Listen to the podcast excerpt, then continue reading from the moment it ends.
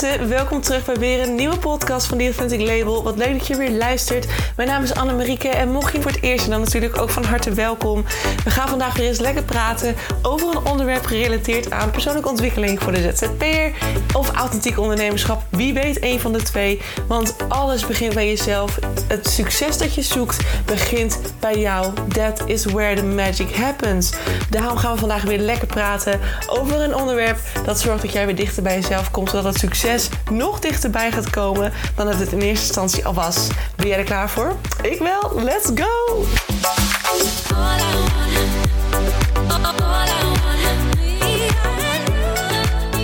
Hey, hallo, hallo, lieve mensen. Wat fijn dat je er weer bij bent. Dankjewel dat je mijn podcast weer hebt geopend. Superleuk. En dat je lekker gaat luisteren nu naar deze mega, mega veel voorkomende struggle. Iets wat, nou, ik denk wel 90% van de mensen in deze wereld ervaren.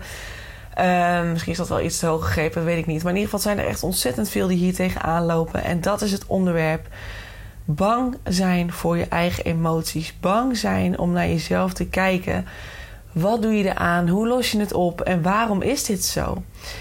Um, ik had laatst een heel mooi gesprek met een vriend van mij. Onder andere ook weer heel erg over de liefde. Over uh, nou, bepaalde stukken heel erg onzekerheid. Hè. Dat, dat weet je misschien wel als je eerdere podcast geluisterd hebt van mij. Dat ik heel erg onzeker ben als het op liefde en intimiteit aankomt. Uh, dat is echt een stuk nog van mij waar ik mee bezig ben. En... Um, daar hadden we het over. En nou, ik vertel aan hem hoe ik dat dan doe en hoe ik dat dan oppak. En dat het voor mij echt bijna een soort van easy peasy lemon squeezy is. Weet je wel, het is gewoon voor mij bijna een soort van dagelijks werk geworden.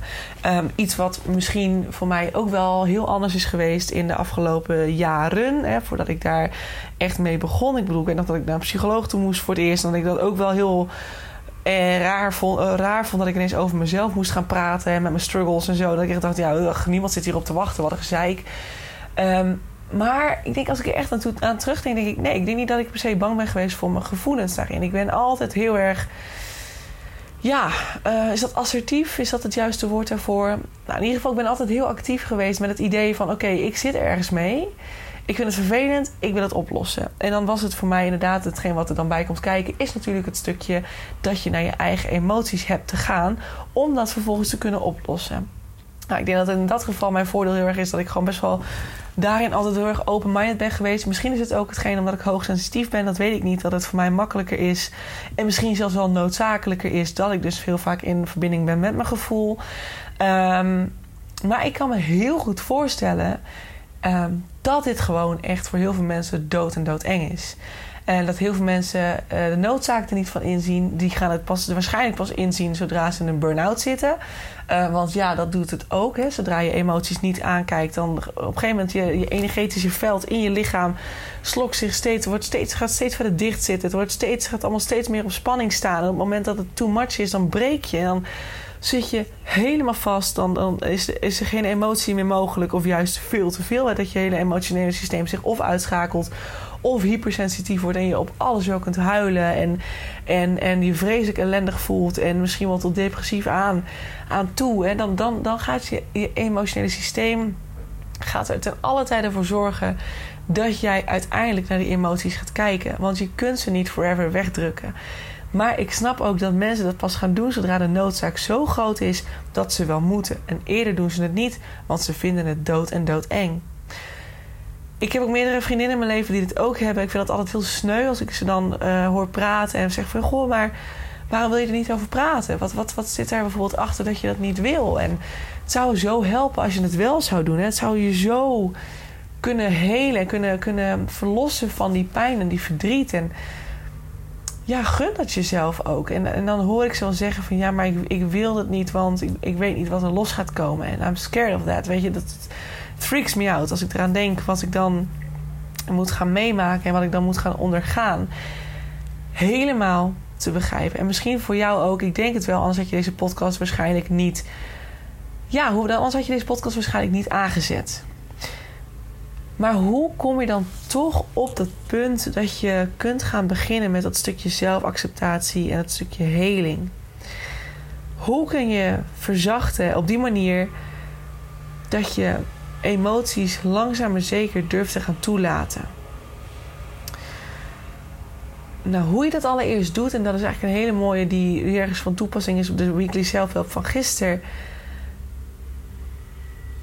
Of eergisteren, ik zit denk ik ben helemaal in de war met de dagen, want ik neem het van tevoren op. Ik weet het niet meer, maar in ieder geval de weekly self-help van deze week, die ging daarover. En um, het gaat over het stukje compassie. Het begint al bij het, bij het beseffen, bij het bewust worden van het feit dat het oké is dat je het niet durft. Dat je jezelf niet kwalijk hoeft te nemen, dat, het, dat je dat niet kunt. Dat je jezelf niet hoeft af te schrijven over het feit dat je het niet, nog niet kunt. Want het is het nog niet kunnen. Onthoud dat het is niet het niet kunnen, het is het nog niet. Op dit moment is het nog te lastig, te moeilijk voor jou om daarbij te komen. Daar begint het mee, met het stukje compassie hebben naar jezelf. Het weten dat het oké is dat het nog niet, nog niet kan. En compassie betekent direct een stukje acceptatie. Zelfacceptatie. Het stukje, het is oké dat het er nog niet is. Het is oké dat ik het nu gewoon super eng vind. En daarbij wel, wat wel heel belangrijk is om dit überhaupt in gang te kunnen zetten, is natuurlijk de bewustwording waarom het zo belangrijk is om daarnaar te kijken. En dat is voor heel veel mensen vaak een van de dingen die pas komt en ontstaat zodra ze echt niet anders meer kunnen. Dus zodra ze in een burn-out zitten en echt niet meer de uit, ze kunnen geen andere uitweg meer vinden, dan moeten ze wel. En dan gaan ze het doen. En, en elke keer zeg ik ook weer: laat het niet zo ver komen, want als je eenmaal daar zit in die, in die burn-out, dan is het zo vreselijk moeilijk. Dan zit je in zo'n diep dal. En om daar weer uit te komen, dat kost zoveel tijd. En het, dat geeft zoveel ellende en verdriet. Want dan krijg je alles van de afgelopen jaren in één keer. Alles in één keer. Weet je hoe heftig dat is? Dat is echt wel heel veel. Dus ik weet ook niet. Het is vaak, en ze zeggen ook vaak, degene waar het op een gegeven moment. Het draait natuurlijk om jou. En jij moet natuurlijk gaan inzien dat het zo belangrijk is. En mensen gaan pas inzien dat het belangrijk is zodra het echt van zodra het echt impact gaat hebben op mensen hun leven. Dus zodra er bij jou ineens iets gebeurt waardoor je denkt: oh my god. En dat je merkt van oké, there's no way back. Ik heb er nu al naar te kijken. Maar laat het alsjeblieft niet zo ver komen voor jezelf dat je dat pas gaat doen zodra je in een burn-out zit. En ook dan is het vaak, we vinden het vaak niet belangrijk genoeg. Van hé, oh, nou dat stukje, nou weet je, dat is niet, niet belangrijk. Dat komt uh, volgend jaar wel. Dat is prima, weet je wel. Maar probeer het echt bij te blijven houden. Zodra je merkt dat er iets is, probeer jezelf in die zin te openen om met jezelf aan de slag te gaan. Want echt, echt, echt, echt, echt, echt. En ik kan het ook zeggen uit ervaring. En toen had ik al heel veel helingwerk gedaan, moet je nagaan. Het is echt vreselijk kut. Oh, sorry voor mijn taalgebruik. Maar het is gewoon, dat is echt geen ander woord voor. Het is gewoon zwaar kloten om in een, in een burn-out te zitten. En dan alles bij langs te gaan. En dan zit je al heel laag in je energie. Dus dan is het ook nog ergens echt extra moeilijk om in die in die heling goed te kunnen blijven zitten. Want het is natuurlijk hè, negatieve emoties, hè, verdriet en pijn en, en, en woede en, en, frustratie en jaloezie. Het zijn allemaal, allemaal al hele lage frequenties. En als je dan ook nog helemaal al moe bent en helemaal kapot bent van alles wat er gebeurd is en je kunt niet meer en je staat op het laagste van het laagste in je energie.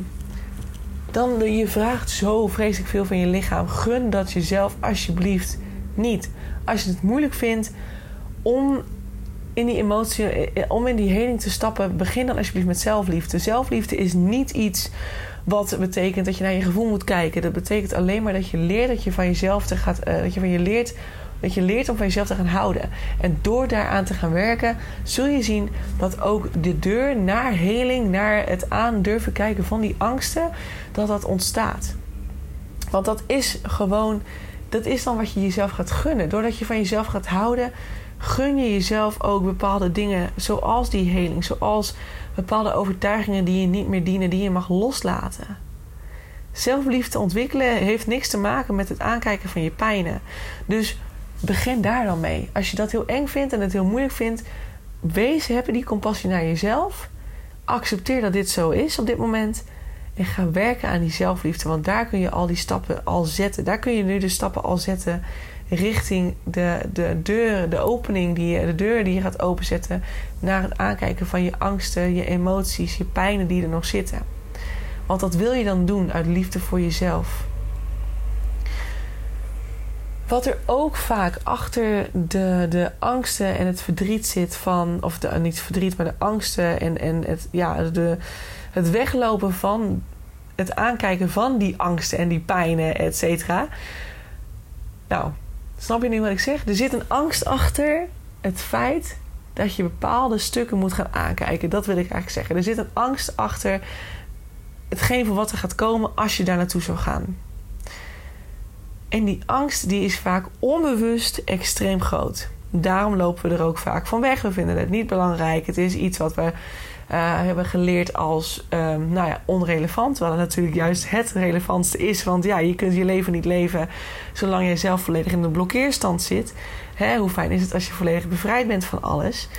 Dus we, zetten, we zitten vaak al in een angst voor de angst. Voor de angsten die er bij ons binnen zitten. Dus daarin, daar mag je al naar kijken. Dat is de eerste stap. Je beseffen dat er een reden is waarom je nu niet naar binnen durft.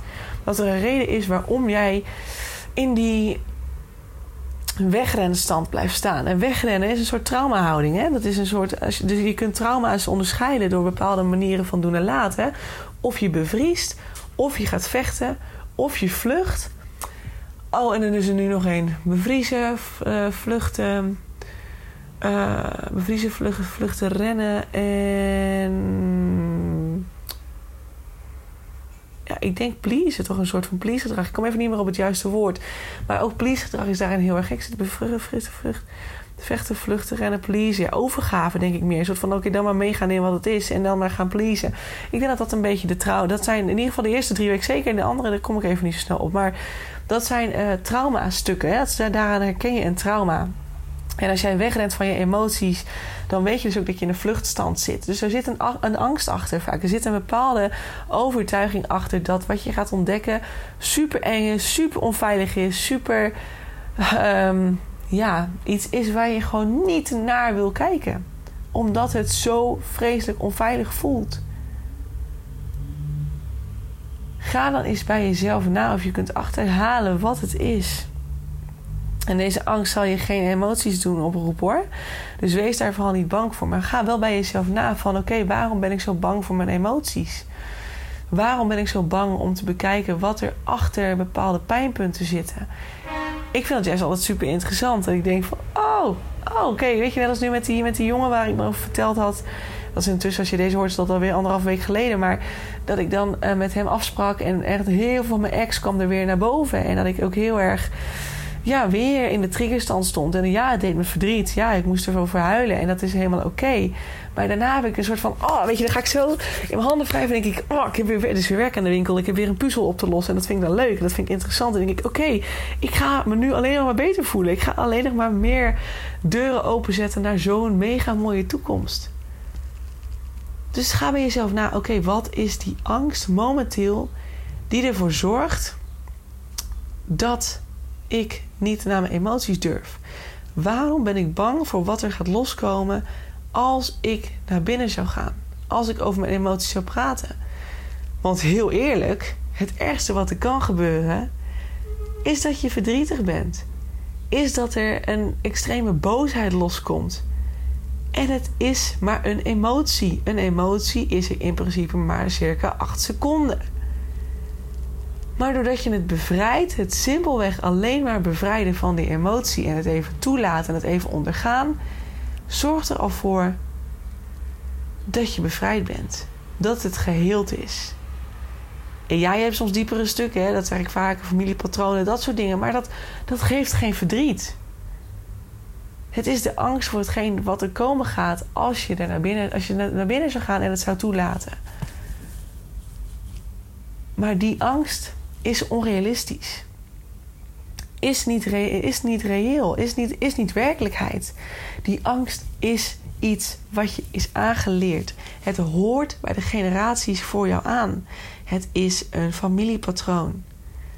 Je kijkt niet naar je angsten, je kijkt niet naar je emoties, want het is zwakte.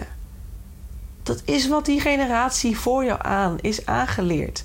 En generaties trouwens, dat gaat echt van dat gaat generaties terug. We zijn pas de eerste generatie nu die het toelaten om naar je gevoel te gaan kijken. Die zegt dat het juist belangrijk is. Die bewijst dat het juist super relevant is als je dat doet. Vooral in deze periode, in dit tijdperk van extreme technologische nou, ontwikkelingen op het technologisch gebied, op het technisch gebied. Dat gaat als een speer en de prikkels nemen toe en het vliegen, ze vliegen je om de oren. En vooral met hoogsensitieve mensen, en dat zijn er nogal wat. Mensen met ADHD, met ADD, wat denk je ervan? Weet je, mensen die hoogsensitief zijn en een ander werkend brein hebben, die, weet je, dat, die, die gaan helemaal lijp. Dat is ook voor mij een van de redenen waarom ik in een zelfheling moest. Ik ben ook in een burn-out terechtgekomen. Doordat ik gewoon zoveel, zoveel prikkels en zo van mezelf liet vragen en ik geen enkele grens had. Wij als generatie zijn, zijn degene die worden uitgedaagd om naar die innerlijke stukken te gaan kijken. Om jezelf daarvan te bevrijden. En dat doe je niet alleen voor jezelf, maar ook voor je kinderen, voor je kleinkinderen. Zeven tot acht generaties na jou hebben daar profijt van als jij dit durft te doen. En het is niet eng, maar je zit nog in die oude overtuiging dat dit niet hoort. Dat het zwak is, dat het gevaarlijk is. Maar het is bullshit. Je rent weg voor jezelf. Wat fuck? Waarom zou je dat doen? Creëer die zelfliefde. Wees in compassie naar jezelf. Accepteer het feit dat je het nu niet kunt en ga werken aan die zelfliefde. Er is een weekly self-help opgenomen over zelfliefde. Luister die. Ik heb meerdere podcasts over zelfliefde online staan. Maar luister die. En ga ermee bezig. Want daardoor, door het, door het creëren van zelfliefde, zul je al heel gauw zeggen: Anne, of in dit geval naar mezelf, de pijn die je nu voelt, hè, nu bijvoorbeeld bij mij weer op het vlak van de liefde, ik gun mezelf die liefde zo erg.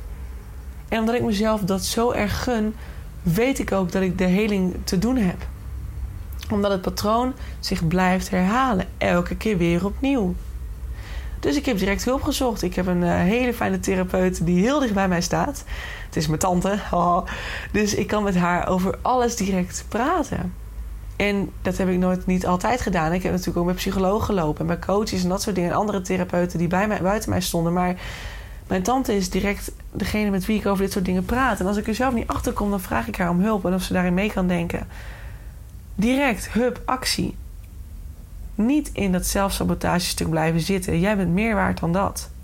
Maar het is, het is aan jou om dat te gaan inzien. En dat bang zijn voor wat er gaat komen, het is echt een oude blokkade een familiepatroon. Durf ik bijna met zekerheid te zeggen dat het voor jou een stuk is uit, een, uit, uit je familie en generatie. De generaties voor jou aan. Dit zit in ons, dit zit in, dit zit in de maatschappij. Dit zit en hangt in de lucht. En er zijn steeds meer mensen die ervan losbreken. En de meer mensen dat doen, de meer mensen ook een inspiratie vormen voor jou. En dat is zo fijn. Dat je gaat inzien dat het niet eng is, maar dat het leuk is. Het is een leuk spelletje. Het is een leuk spelletje, een soort van ja, ik wou zeggen, ik heb laatst voor het eerst klaverjassen geleerd. En ik vond het ook super. Best wel een hele grote puzzel. Nou ja, nee, dat is geen klaverjassen. Want het is geen goede, dat is geen, goede, geen goed voorbeeld hier. Het is meer een soort duizend. Het is een soort puzzelstuk, een soort, een soort legpuzzel van 500 stukjes. En elke keer komt er weer een stukje tevoorschijn die in jouw legpuzzel past. Zodra jij de juiste vormen aan die puzzels, dat puzzelstukje durft te geven. En die vormen creëer je zelf door dus die heling te, te ondergaan. Ik vind het een mooi metafoor. Ik hou ervan. Ja, ik ga deze straks in een Instagram post gebruiken. Love it. Deze is leuk. Wees, wees niet bang voor die puzzel. Puzzel die jij zelf bent. Pak de op dit moment nog niet passende puzzelstukjes op. Hervorm ze waar mogelijk. Wees niet bang voor de emoties die vrijkomen. Laat ze toe en zet het puzzelstukje op de juiste plek. En dan. Het is niet meer dan dat. En je vindt verschillende helingsmethodes hier in mijn podcast. Um, ik heb laatst de vlaggetjesmethode opgenoemd, uh, of, uh, opgenomen. Dat is ergens in de podcast. Nou, ergens de 90 tot 100ste podcast. Daar, ergens tussen, daar staat hij ergens tussen volgens mij. Uh, en podcast 5. En podcast 12. En ik heb nog een podcast opgenomen. Ik weet dus niet welk nummer dat is. Maar die heet de Mirror Exercise. De spiegeloefening. Die is ook heel fijn en super makkelijk. Dus ga die dan gebruiken. Ga die gebruiken. Ik heb alle materiaal is hier al voor jou om dit in werking te zetten.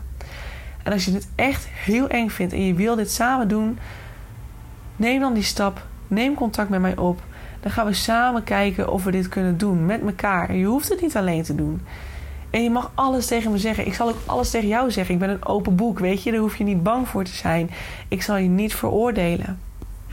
Want ik begrijp waar je vandaan komt. Ik begrijp waarom het zo is. En het enige wat ik wil is dat je daaraan, daar, daarvan bevrijd wordt. En dat wil jij denk ik ook. Anders neem je geen contact met mij op, uiteraard. Er is een sparringsuur voor, eh, voor uh, eh, 65 euro. Dat is een uur, anderhalf uur waarin we dit samen gaan doen. Die kun je aanvragen. En anders is er ook, en dat, ja, ik, misschien dat ik toch zit te denken aan een soort coaching traject, echt op een pakket op maat. Um, waarin je dit gewoon met mij kunt gaan oppakken. Dus waar je dat normaal met een psycholoog zou doen, doe je dit dan met mij. Um, en kunnen we dit gewoon van voor tot achter helemaal gaan uitwerken. Want ja, er zijn natuurlijk genoeg, genoeg dingen waar je aan kunt werken. En dat is natuurlijk, dan, dan wil ik eigenlijk iets, soort, misschien een soort strippenkaart of zo, die je die dan kunt afnemen met, zo, met een hoeveelheid sessies. En die je dan gewoon elke keer weer kunt afgeven bij mij. Hè? Zodra je dus weer voelt van... oh, ik wil hierover praten met Anne. Dat je dan een strip inlevert. Ehm, en dat je dan met mij een uur, anderhalf uur kunt praten. Dat is ook wel heel, een heel leuk idee. Misschien dat ik dat wel ga doorvoeren. Maar dat wordt dan na Rockwerchter. Want ja, ik ga eerst natuurlijk... Eerst ga ik nog...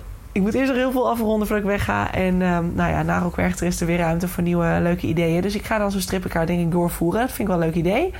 Um, dus ja, als jij dit luistert, dan kan het zomaar zijn dat hij misschien al onderweg is, omdat ik dan weer terug ben. En daar uh, weer, naar, over, weer over na kan denken. Dus doe dit voor jezelf. Gun dit jezelf. En er is altijd hulp je mag me ook altijd DM'en. Dan mag je altijd je vraag stellen. Daar behandel, of behandel ik, maar dan, vraag, dan antwoord ik ze altijd gratis. En als ik denk dat het te ingewikkeld is, dan verwijs ik je gewoon door naar zo'n sparringsuur. Um, want ja, sommige dingen zijn gewoon te simpel of te ingewikkeld om op DM te beantwoorden. Maar doe dat vooral.